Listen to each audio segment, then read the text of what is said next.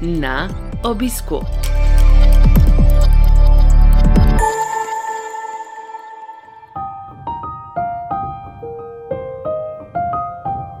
Dobrodošli v novi epizodi serije podkastov na obisku, ki nastaja v produkciji Slovenskega združenja bolnikov z limfomom in leukemijo.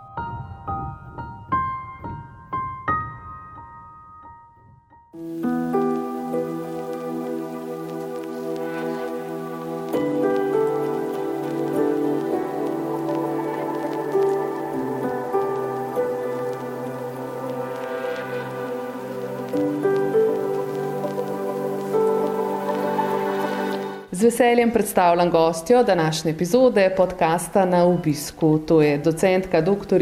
Lorna Zadravec Zaletel, doktorica medicine, pa specialistka onkologije z radioterapijo, zaposlena na Onkološkem inštitutu Ljubljana, kjer je vključena v timsko obravnavo otrok z rakom, za katere načrtuje obsevalno zdravljenje.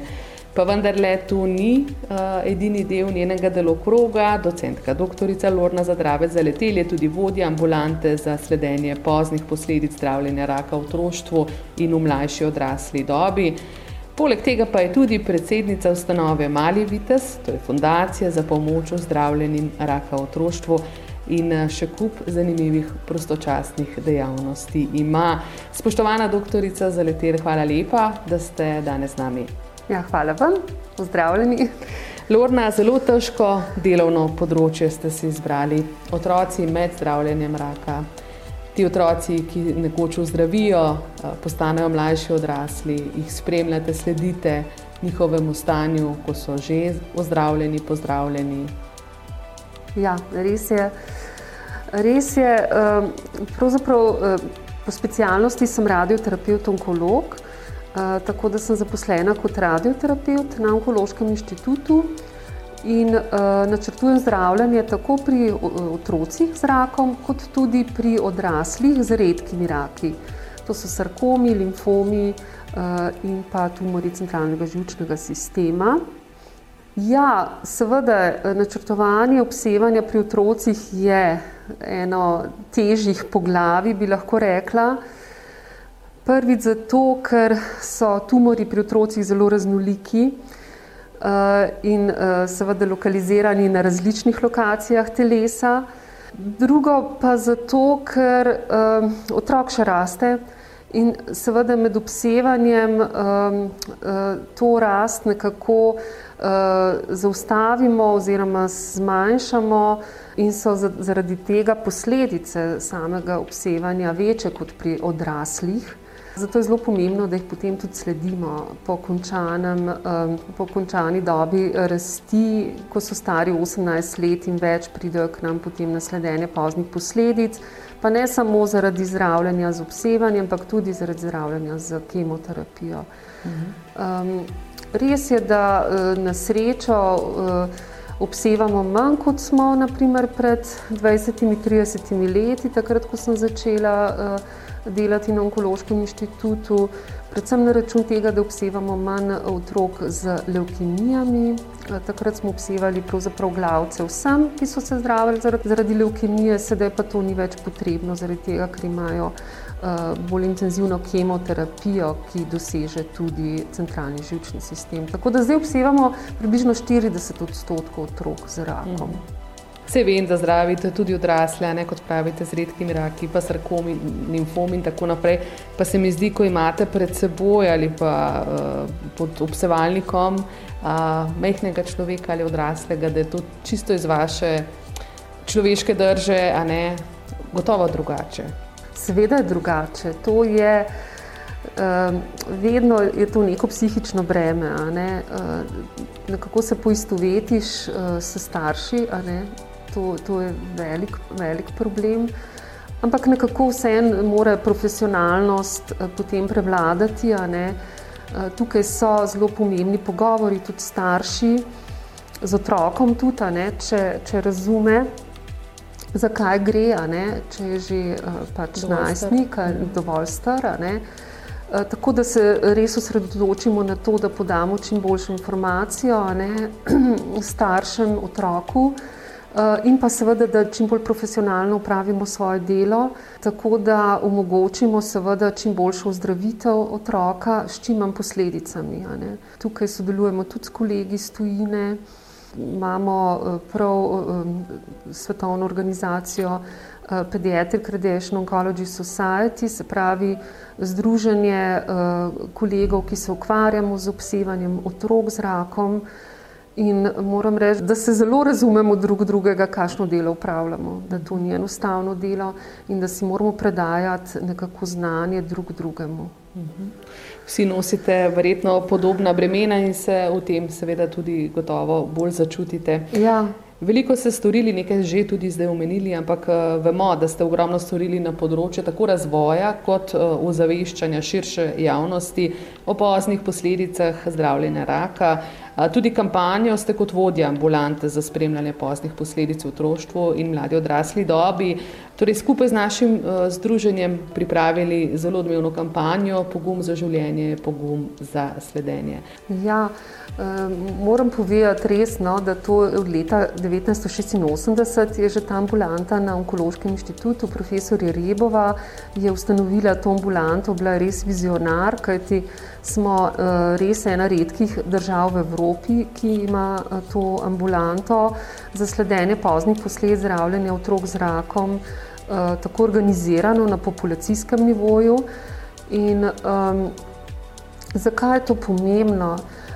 vemo, da pozne posledice so pogoste po zdravljenju raka v otroštvu. Približno dve tretjini mladih, ki so se zdravili zaradi raka v otroštvu, ima eno ali več posledic na kateremkoli organu, odvisno od tega, kakšno zdravljenje je imel. in zelo pomembno je, da to posledico ugotovimo, odkrijemo čim prej. Z nekim presejanjem, preventivnimi pregledi lahko te, te posledice ugotovimo še v fazi, ko ta mlad človek nima še težav in se seveda lažje potem odpravi te težave, ko niso še tako izražene, ko tisti organ, ne, za katerega iščemo te posledice, pač ni tako okvarjen. A ne, potem je z raznoraznimi ali zdravili ali postopki lažje to odpraviti, zmanjšati, ne, in so te težave potem manjše seveda. Drugo, kar je, so tudi ti sekundarni tumorji, ne, pogosti. Ve se, da so ti mladi šestkrat bolj ogroženi za drug rak kot njihovi vrstniki. Tako da je, je tudi tukaj pomembno prvič osveščanje o zdravem načinu življenja, se pravi izogibati se vsem možnim vzrokom nastanka drugega raka, tako kot vsem v populaciji pravzaprav svetujemo, ne, tukaj še toliko bolj pomembno. In pa določene vrste raka pa spet lahko ugotovimo v zgodnji fazi. To je predvsem velja za rak dojke, če so imeli na primer obsevanje v predelu medpljučja pa vzduh, a ne, ko je bil, ko je bilo tkivo dojke v obsevalnem polju. To vemo, da so zelo ogroženi potem približno tako kot nosilci BRCA ena, če so imeli to obsevanje, ne, če so imele mladenke to obsevanje v puberteti, adolescenci. in je zelo pomembno, s petindvajsetimi leti začnemo slediti z mamografijo, magnetnimi rezonancami, ne, vsako leto in res odkrivamo zelo majhne tumorje, ne, ki so dobro ozdravljivi. Tukaj gre pa res za življenje, a ne. Potem smo začeli tudi s presejanjem raka na debelem črevesju in danki s kolonoskopijami, če je bilo obsevano področje trebuha. Tudi tukaj smo odkrili zelo visok odstotek teh prekanceroz, ne, tubuloviloznih adenomov, kar pri dveh tretjinah teh mladih, ki so imeli obsevanje.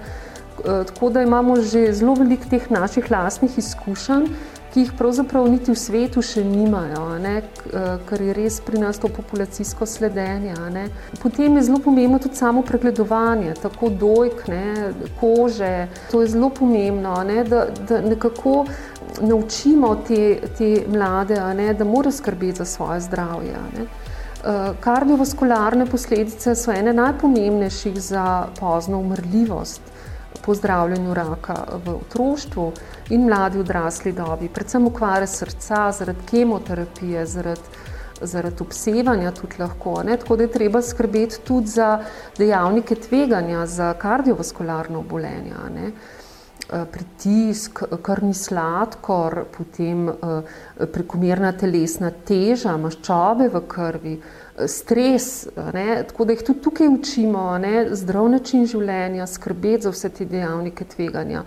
Tako da ne gre za to, da odkrivamo možne somatske pozne posledice, sekundarne tumorje in predvsem zelo pomembna je edukacija o zdravem načinu življenja in zmanjševanju vseh teh dejavnikov tveganja. Zelo veliko lahko sami naredijo zase. Odlično, eh, pa vendarle, kljub temu pravite, vaša ambulanta nima urejenega sistemskega financiranja, razen če je nekaj drugače. Na zadnje se še spomnim, da je bilo tako. Pravzaprav smo zdaj kar lepo to uredili, moram reči. Je bil tudi sestanek z Zavodom za zdravstveno zavarovanje in so tudi rekli, da ta ambulanta že poteka. Uh, ne, da je to pravzaprav že kar sistemsko, lahko rečemo. In se je eh, dejansko v zadnjih dveh letih. In se je dejansko Bravo. to lepo uredilo, tako da, uh, tako da sem res vesela, no, da, da bo to zdaj nekako postalo stalnica in uh, bo teklo naprej. Želimo seveda to naše delovanje še razširiti resno vse mlade, ki so se zdravili v, tudi v starosti do 30 let. Redno sledimo že te, ki so se zdravili zaradi limfomov, hočkina, ne hočkina, ker so ti zelo ogroženi, ker imajo veliko krat uh, pridruženo uh, obsevanje k kemoterapiji. Um, in moram reči, da zelo pridno prihajajo na, na to sledenje, ker nekako vejo, da da so ogroženi za te pozne posledice in da je to, da je to potrebno. Ne. Uh, naj povem še to, da v letošnjem letu um, so išle tudi uh, evropske smernice za sledenje poznih posledic zdravljenja raka v otroštvu in v mladi odrasli dobi do 30. leta starosti. Uh, tako da to so prve evropske smernice, enotne evropske smernice, Eh, ki jih imamo in tega smo zelo veseli. Ne, to, smo, to smo že prevedli in tudi že eh, dosegli odobritev na strokovnem svetu Onkološkega inštituta, tako da bomo te smernice tudi objavili in delali seveda naprej po njih. Za nas se ne bo zelo veliko spremenilo, ker, ker smo podobno delali že doslej. Ampak doslej smo imeli pač smernice, nizozemske smernice, pa angliške smernice, pa ameriške smernice in smo potem naredili nekako eno um, krpanko vseh teh mhm. smernic. Zdaj smo pa res veseli, da imamo uh, enotne evropske smernice, katerih se bomo pač držali vsi kolegi iz, uh, iz Evrope. Zelo dobro in dobro novico ste ponesli, saj sama nisem vedela, da se je to uredilo in uh -huh. se mi zdi izjemnega pomena. Uh -huh. Eh, pravzaprav se vaše poklicno življenje vse skozi nekako vrti iz tega vašega pristopa ali želje po celostni obravnavi bolnikov, eh, pacijentov, se pravi celostne obravnave v smislu od same diagnoze pa zdravljenja, rehabilitacije, do seveda sledenja poznih posledic, potem ko je človek že pozdravljen, zazdravljen. Tako da pravzaprav ne, ne bi smelo nikogar presenetiti, da ste že več let zelo aktivni tudi v državnem programu obladovanja raka, kjer ste koordinatorka prav za področje celostne rehabilitacije znotraj tega programa. In zanima me, kako daleč smo glede ureditve celostne rehabilitacije onkoloških bolnikov. Ja, Eh, res leta 2017 sem se priključila temu projektu v sklopu državnega programa obladovanja raka. Profesor Zakotnik me je prosil, če bi, če bi jaz tukaj vskočila uh, in um, se mi je zdelo, ja, kar logično, čeprav časa je vedno premalo, ampak je res tako, da nekako po 30 letih delovne dobe že fajn, da človek eh, tudi skuša nekaj sistemsko spremeniti ne, s svojimi izkušnjami. In eh, zato sem se tega tudi nekako lotila, ja, tako da sem bila imenovana kot koordinator multi, te strokovne skupine za celostno rehabilitacijo onkoloških eh, bolnikov strani Ministrstva za zdravje. In takrat smo, ja, 2017 začeli s tem, z gospod Matejo Kurera, ne, um, pravzaprav nekako iz nič. Um, želeli smo si, mislili smo, da, da mogoče v Sloveniji imamo nek okvir neke celostne rehabilitacije kroničnih bolnikov, na katero bi se lahko še mi pripeli, a ne kot za naše bolnike z rakom, pa tega žal ni. Tako da smo kar morali nekako orati ledino, seveda smo se tukaj poslužali smernic kolegov iz tujine. In tako smo potem ustanovili to našo strokovno skupino, multidisciplinarno skupino za celostno rehabilitacijo onkoloških bolnikov, um, je, v kateri sodelujejo pravzaprav kolegi z različnih strokovnih področji, tako onkologi, pač kirurgi, radioterapeuti in internisti, kot tudi zelo pomembno predstavniki pač društev bolnikov, potem Ministrstva za zdravje, ZZZS, sestri, vsi pomembni deležniki. In smo, in smo pač začeli graditi to um, na večjih delavnicah, in potem uh, smo pravzaprav uh, nekako. Uh, Uh, si vsi želeli, ne, nekako to je bilo skupno, da želimo delati v dobro, seveda, bolnika, da je bolnik center tega dogajanja. Naredili smo tudi uh, nekako uh, preseg, kako je z celostno rehabilitacijo. Tedaj, takrat leta 2017, z vprašalniki bolnikom. In smo ugotovili, da je tega malo, in ugotovili smo tudi, da si bolniki želijo, da bi bila večina te celostne rehabilitacije upravljena pravzaprav blizu njihovega doma, ker, ker si ne želijo vračati v te velike centre, ne, kar je tudi pomembno. Ker celostna rehabilitacija po svetu je zelo različen, uh, uh, ne, organizirana. Nekateri imajo centre, večje centre, kamor ljudje hodijo, nekateri imajo to ambulantno, nekateri imajo pač v obstoječih bolnišnicah, a ne spet določene te rehabilitacijske centre. Tako da pri nas si res, ne, glede na želje bolnikov, to predstavljamo bolj piramidno urejeno, ne. zelo pomemben ta primarni, primarni nivo. Naredili smo pač akcijski načrt, smernice za celostno rehabilitacijo bolnic z rakom dojke, ker pač nekje smo morali začeti. Program OREH najbolj. Ja, program. In potem smo začeli, ja, smo naredili potem tudi klinično pot za celostno rehabilitacijo teh bolnic in začeli pred dvema letoma z tem um, pilotnim programom za bolnice z rakom dojk. Predvsem nas zanima kvaliteta življenja, in pa um, trajanje bolniškega staleža oziroma vračanje na delo, to nam je zelo pomembno. Um, ja, bistvo te celostne rehabilitacije pa je pravzaprav to, da um, omogočimo bolnikom čim boljšo kvaliteto življenja na vseh področjih, tako telesno, psihosocialno in pa poklicna rehabilitacija je zelo pomembna. Skratka, bolnik se mora čim prej vrniti ne, v svoje okolje, socialno okolje, ker mi smo pač socialna bitja in delo krepi človeka. Uh mhm. -huh. Tako da to je zelo pomembno. Um, imamo pa različne sklope ne, teh um, možnih težav, ki jih bolnik lahko ima tekom zdravljenja, ker pač rehabilitacija poteka od postavitve diagnoze pa do konca življenja. Ne.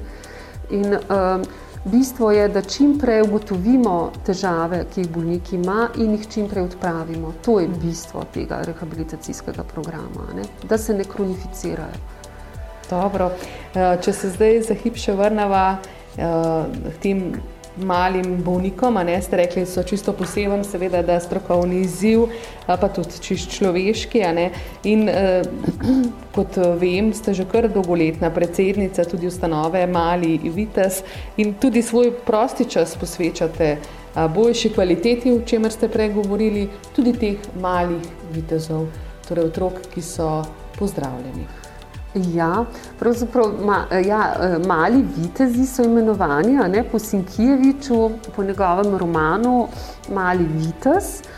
So pa to veliki vitezi, lahko rečemo, ne, ker so le um, odrasli, načeloma ustanova Mali vitez skrbi za tiste, ki so stari 16 let in več, ne, in so se zdravili pač v otroštvu.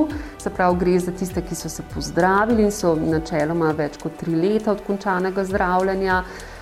Ja, namen te ustanove Mali vitez je bil, bil predvsem spet ja, predvsem ta kvaliteta življenja, se pravi neka psihosocialna rehabilitacija teh eh, mladih, um, ker smo ugotovili zelo veliko teh čustvenih težav, ki jih imajo. Ne, preko 80 odstotkov teh mladih, ki so se zdravili zaradi raka v otroštvu, to je ugotovil pač naš klinični psiholog, profesor Korenjak, ko se je pogovarjal s temi mladimi. To je posledica vsega, kar so prestali v tej nežni otroški dobi. Eh, vse bolečine, strah, um, vidijo ne, starše, ki jokajo, pa, pa jih je strah, da če če mami joka, bom jaz umrl. Ne, tako, tako so nekako ne, si to predstavljali. predstavljali. Tudi so iz, iztrgani iz tega svojega okolja socialnega. Ne, um, pač v bolnici, doskrat sami tudi. Ne? Seveda to je z leti zdaj boljše, ker je ta in-room sistema, ne? so starši veliko z otroki, pa kljub temu so veliko krat sami. Tako da vse te tegobe ne, povzročajo te čustvene posledice. Ne? In uh, nekako je naš profesor Korenjak rekel, da si lahko pomagajo sami, tako da se pogovarjajo med seboj. Ne? Ravno v teh doživljanjih med samim zdravljenjem in kasneje, nekako da popraskajo, pobrskajo po tej svoji podzavesti in da skušajo besediti uh, te težave uh, in vse tegobe, uh, katere so prešli. Uh, in uh, jih pravzaprav predelati nekako, na mhm. nek način. In to najlažje sami med seboj. Zato smo takrat, že to je 25 let nazaj, začeli s temi psihoterapevtskimi skupinami mladih, eh, ki so bile enkrat mesečno z kliničnim psihologom, pa mi smo bili tudi zraven, približno 10 do 15 mladih ljudi. In so bile razno razne tematike, pogovori o, o tem, kako so doživljali zdravljenje in kako je seveda potem teklo to otroštvo po ozdravitvi, mm -hmm. s mhm. kakšnimi težavami se ukvarjajo zdaj in tako naprej. In moram reči, da so bili to zelo dobri rezultati. To so bile le take tudi intimne izpovedi. Um, zelo so se povezali med seboj, drug drugemu pomagali tudi za nasveti in predvsem stkali tudi prijateljstva. In uh, fundacija je bila eh, pravzaprav ustanovljena potem ravno s tem namenom, da bi poglobili to svoje prijateljstvo in druženje uh, še izven uh, uh, zidov onkološkega inštituta, pač takrat v atomskih mhm. toplicah, a ne, so šli na desetdnevno rehabilitacijo skupaj, a ne, uh, in, in nekako poglobili to svoje um, znanstvo in prijateljstvo. Ne. Uh, no, kasneje je ustanova prevzela tudi druge namene, se pravi denarna pomoč pri nabavi kakšnih lasul, ne zaradi tega, ker nekatera dekleta po obsevanju pač imajo zelo slabe laske, a ne rabijo lasne sisteme. Eh, se pravi pomoč pri nekako denarna pri nakupu teh lastnih sistemov, pomoč tudi pri nakupu uh, protez za, za po amputacijah, naprimer, ne. Um, in pa predvsem zelo pomembno, nudimo tudi tri štipendije letno uh, za pomoč pri šolanju. Ne, to je zelo pomembno šolanje. Eh, tudi damo denarno pomoč za kakšne tečaje, ne, če to pomaga, olajša uh, iskanje um, zaposlitve. Ne, ker s tem nekako uh, se izboljša tudi samo podoba in je seveda tudi potem uh, psihosocialno stanje boljše. boljše Doktorica Lorna uh, Zaletel Zadravec, podiva malo še k vašim čisto zasebnim stvarem se ustanova Mali Vites je vaša, da rečemo na rekovaj, prostočasna dejavnost, če vendar še povezana močno, močno službo, torej te mali vitezi, ki postanejo veliki in gredo bojevniško skozi življenje, ne, z veliko ovirami in izzivi.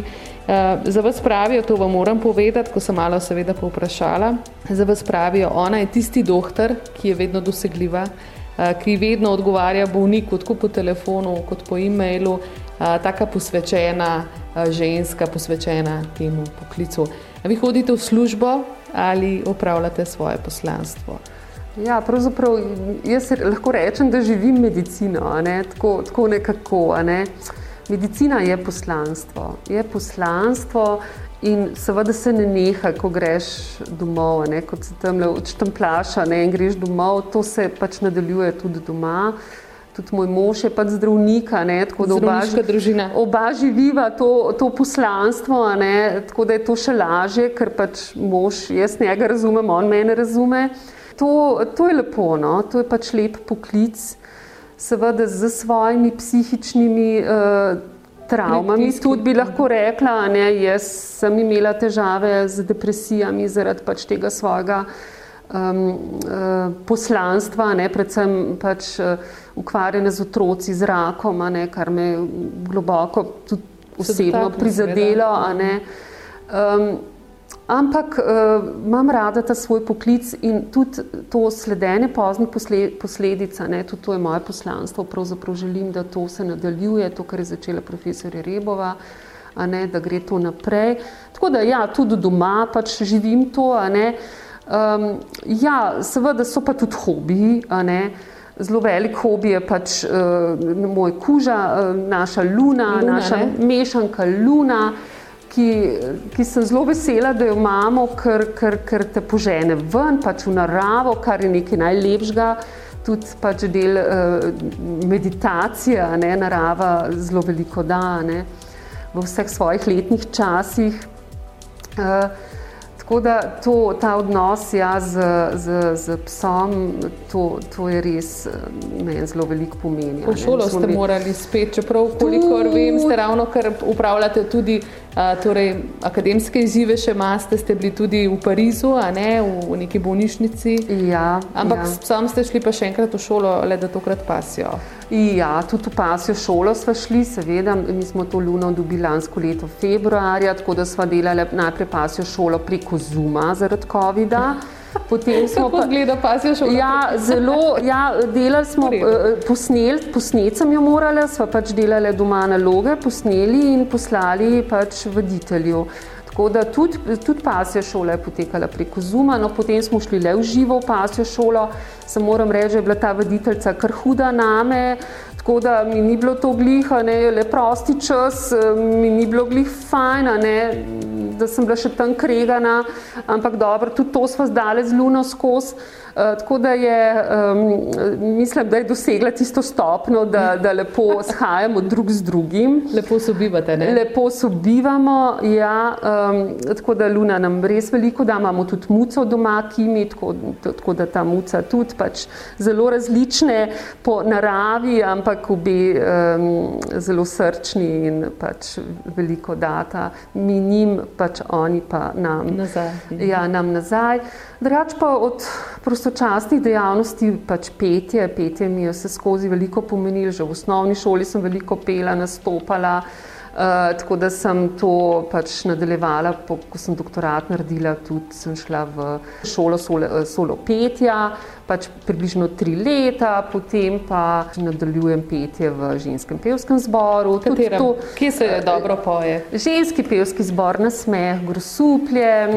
Ja, to je, to je zelo velika relaksacija. Pač tudi smo prijateljice, se dobro razumemo, vedno smo vesele, ko smo skupaj. Seveda, ta lekovi čas nam je tudi prinesel te gobe, tako da smo eno leto vadili preko Zuma, pa smo zdaj eh, septembra dva meseca celo v živo pele, tako da smo uživali v harmonijah, spet, spet končno, pa se je spet vse zaprlo. Tako da upamo, da drugo leto spomladi, da bomo lahko spet v živo prepevali, ker petje, petje je tudi velika sprostitev. -hmm. To, to je meni zelo velika sprostitev, zelo rada pojem. Sicer tudi uh, sem klavir igrala, sem hodila deset let v glasbeno šolo, tako da tudi uh, zaigram si kdaj. Pa ples, z možem rada pleševa. A je ja, mož tudi je odlično? Ja, mož zelo rad pleše, tako da plesna šola tudi, to pa že vrsto let hodva v plesne šole.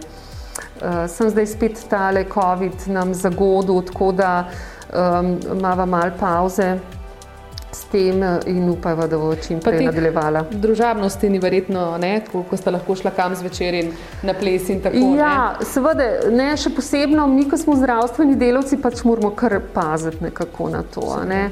Um, se kar izogibamo druženju, ker veliko krat je druženje tudi brez mask. Uh, pa seveda temu se pa res izogibamo. No.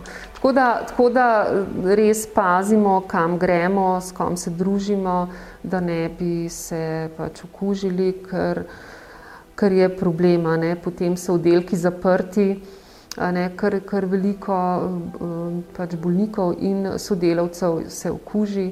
Tako da tukaj moramo res zelo paziti in biti nekako odgovorni. Hvala lepa, ker ste, ker počnete eh, svoje delo, upravljate in ste odgovorni sploh še v teh posebej težkih časih. Pa me zanima, kateri je pa potem vaš najljubši ples, da nimaš. Na kaj se najraje zavrtite z možem, kaj najraje plešete? Uh, ja, jaz osebno imam najrajši rumbo. Rumbo, rumbo, rumbo to je tak. Um, Zelo strasten ples. Ja, ja tako romantičen ritem mi, mi zelo ustreza in najbolj uživam v rumbi. Tu ča, ča, ča. Uh, pač je pa res odvisno tudi, kako si razpoložena. Ne? Vsak ples za svoje razpoloženje, ampak največkrat rumba. Kaj pa vaš soprog, on je pa neurolog, ne? Kater ples pa gre v neurologijo bolj, če gre na radioterapijo? Pa, pa, ne vem, on se mora kar nekako meni prilagoditi. Ampak ne, tudi moram reči, da ima kar podoben okus, no, tako da tudi on zelo uživa v rumbi. Ja. Nam poveste še malo o vaši izkušnji v Parizu. Se spomnite, takrat ste prišli na en kratek obisk, se mi zdi domov, pa smo se ravno srečali in ste bili zelo navdušeni, govorite odlično francosko. Uh, no, odlično, glih ne bi rekla. No, meni se tako zdi, ker ne znam francosko. Ja, ja, ja. Jaz sem se pač učila francosko v, na gimnaziji Bežigrad štiri leta in moram reči, da smo imeli zelo dobro profesorico. Tako da mi je kar veliko francoščine ostalo, pa na srečo ima tudi moj mož sorodnike v Franciji. Tako da vsaj novoletne čestitke pišem uh, vedno, uh, pa včasih se kje pogovorimo pač po, po, po mailu ali pa celo se slišmo. Tako da to je bilo zelo pomembno za vzdrževanje neke bazalne kondicije za francoščino. Ja, sem pa preden sem šla, res sem šla za tri mesece v, na inštitut Gustav Rusi v Pariz, uh, ker imam pač tam uh, kolegico, ki se ukvarja s pediatrično radioterapijo in sem želela tukaj nekako malo razširiti svoje izkušnje, videti, kako oni delajo. In um, sem bila res vesela, da sem lahko šla uh, tja. Um, je, pa, uh, je pa tako, da ko priješ pa tja, pa veš, kako francoščine ne znaš, ker oni govorijo zelo hiter, uh, še posebno pariška francoščina je zelo nerazumljiva. In um, um, sem, sem zelo slabo jih razumela, ampak počasi človek dobi neko, neko izkušnjo tudi iz tega, neko rutino. Uh, tako da je bilo pol, ne, po treh mesecih že malo boljše, ampak pa sem seveda šla nazaj, na srečo še pred COVID-om, to je bilo od septembra do, do decembra 2019. Je pa eh, moja izkušnja taka, da, da delamo pravzaprav dobro, ne, da Kle v Sloveniji. V Sloveniji mm. ja, dobro. Gustav Rusi je bil prvi cancer center v Evropi uh, z dolgoletno, res dolgoletno tradicijo, ampak pri nas res imamo dobre aparate obsevalne, eh, dobro načrtujemo obsevanje, dober quality assurance, tako da um, tudi eh, pri nas res nudimo uh, otrokom tudi, da gredo v tujino na obsevanje, če je to potrebno, na to protonsko obsevanje. Imamo zelo dober zdaj center v Trentu v Italiji, tako da tja pošiljamo zdaj že štiri leta otroke, ki lahko nekako pridobijo s tem načinom obsevanja in to pač zavarovalnica krije, ne, če mi to eh, nekako eh, priporočamo. Gredo vedno na roko in pokrijejo praktično vse, za kar eh, prosite, predlagate svetu. Seveda, seveda, vse v dobro bolnikov, tako da mislim, da je pri nas res zdravstvo na visokem nivoju, da res bolnikom lahko nudimo tisto, kar, kar je zdaj za ta čas nekako najbolj optimalno in kvalitetno. naj tako ostane. Ne? Zdaj časi so čudni, včasih tudi ne naklonjeni razno raznim boleznim, pa tudi zelo hudim boleznim, recimo kot so onkološke. To bo še čas pokazal, kaj vse uh, slabega v narekovajih uh, je naredil in bo naredil ta čas. Doktorica Lorna uh, zaletel za dravec, da je zaključiti tu in zdaj, uh, recimo v Prleki z eno lepo hišo z veliko rožami, uh, z enim prostorom, kamor se tako vi kot vaš soprok in vaša družina, koliko otrok imata? Dva. Uh, sina, uh, ki je pravnik, včeraj zaključuje socialno delo. Tako da, ja, Prlekija, to je pa rodni kraj mojega očeta Miklaš pri Ormožu tam imamo vikend in smo pogosto v, v teh krajih, kjer je srečen, da se kar čas ustavi. Eh, in nama to res ustreza z možem, da nekako se umakneva eh, iz tega vrveža, da smo nekako eh, v miru, da slišiš svoje misli, da lahko tudi živiš medicino, tudi tam, ne mogoče, ne, ne, ampak predvsem pa tudi druženje s prijatelji v tistem okolju. In pa moje rožce, seveda, rože so pa tudi moja uh, velika strast, uh, tako rožice notri, kot rožice zunaj na vrtu. In ja. lepo uspevajo. Ja, eh, rožica je pač tako, če daš ljubezen, jo tudi dobiš Varne. nazaj. Ja. Tako približno kot pri živalih. Ja, ja. Ja, veste kako, ne vem zdaj v COVID časih, ali je to primerno ali ni, ampak eh, tole bodo ljudje na en pogovor eh, poslušali v petek, morda bo sobota in vikend recimo varno in primerno za kakšen sprehod po Jeruzalemu, po lepih goricah v Prlekiji morda za kakšno dobro vino, za kakšno gibanico. Ja. Ajdovo z levanko ali kako že? Ja, res je, res je. Uh, oni imajo z ajdovo, uh, ajdovo moko, moko ja, in, uh, in skuto, ja. uh, gib, uh, gibanico. Ja. Doktorica Lorna za letel za dravec, najlepša hvala, uspešno delo še naprej in uh, samo naprej. Najlepša hvala, pa vsem želim dobro.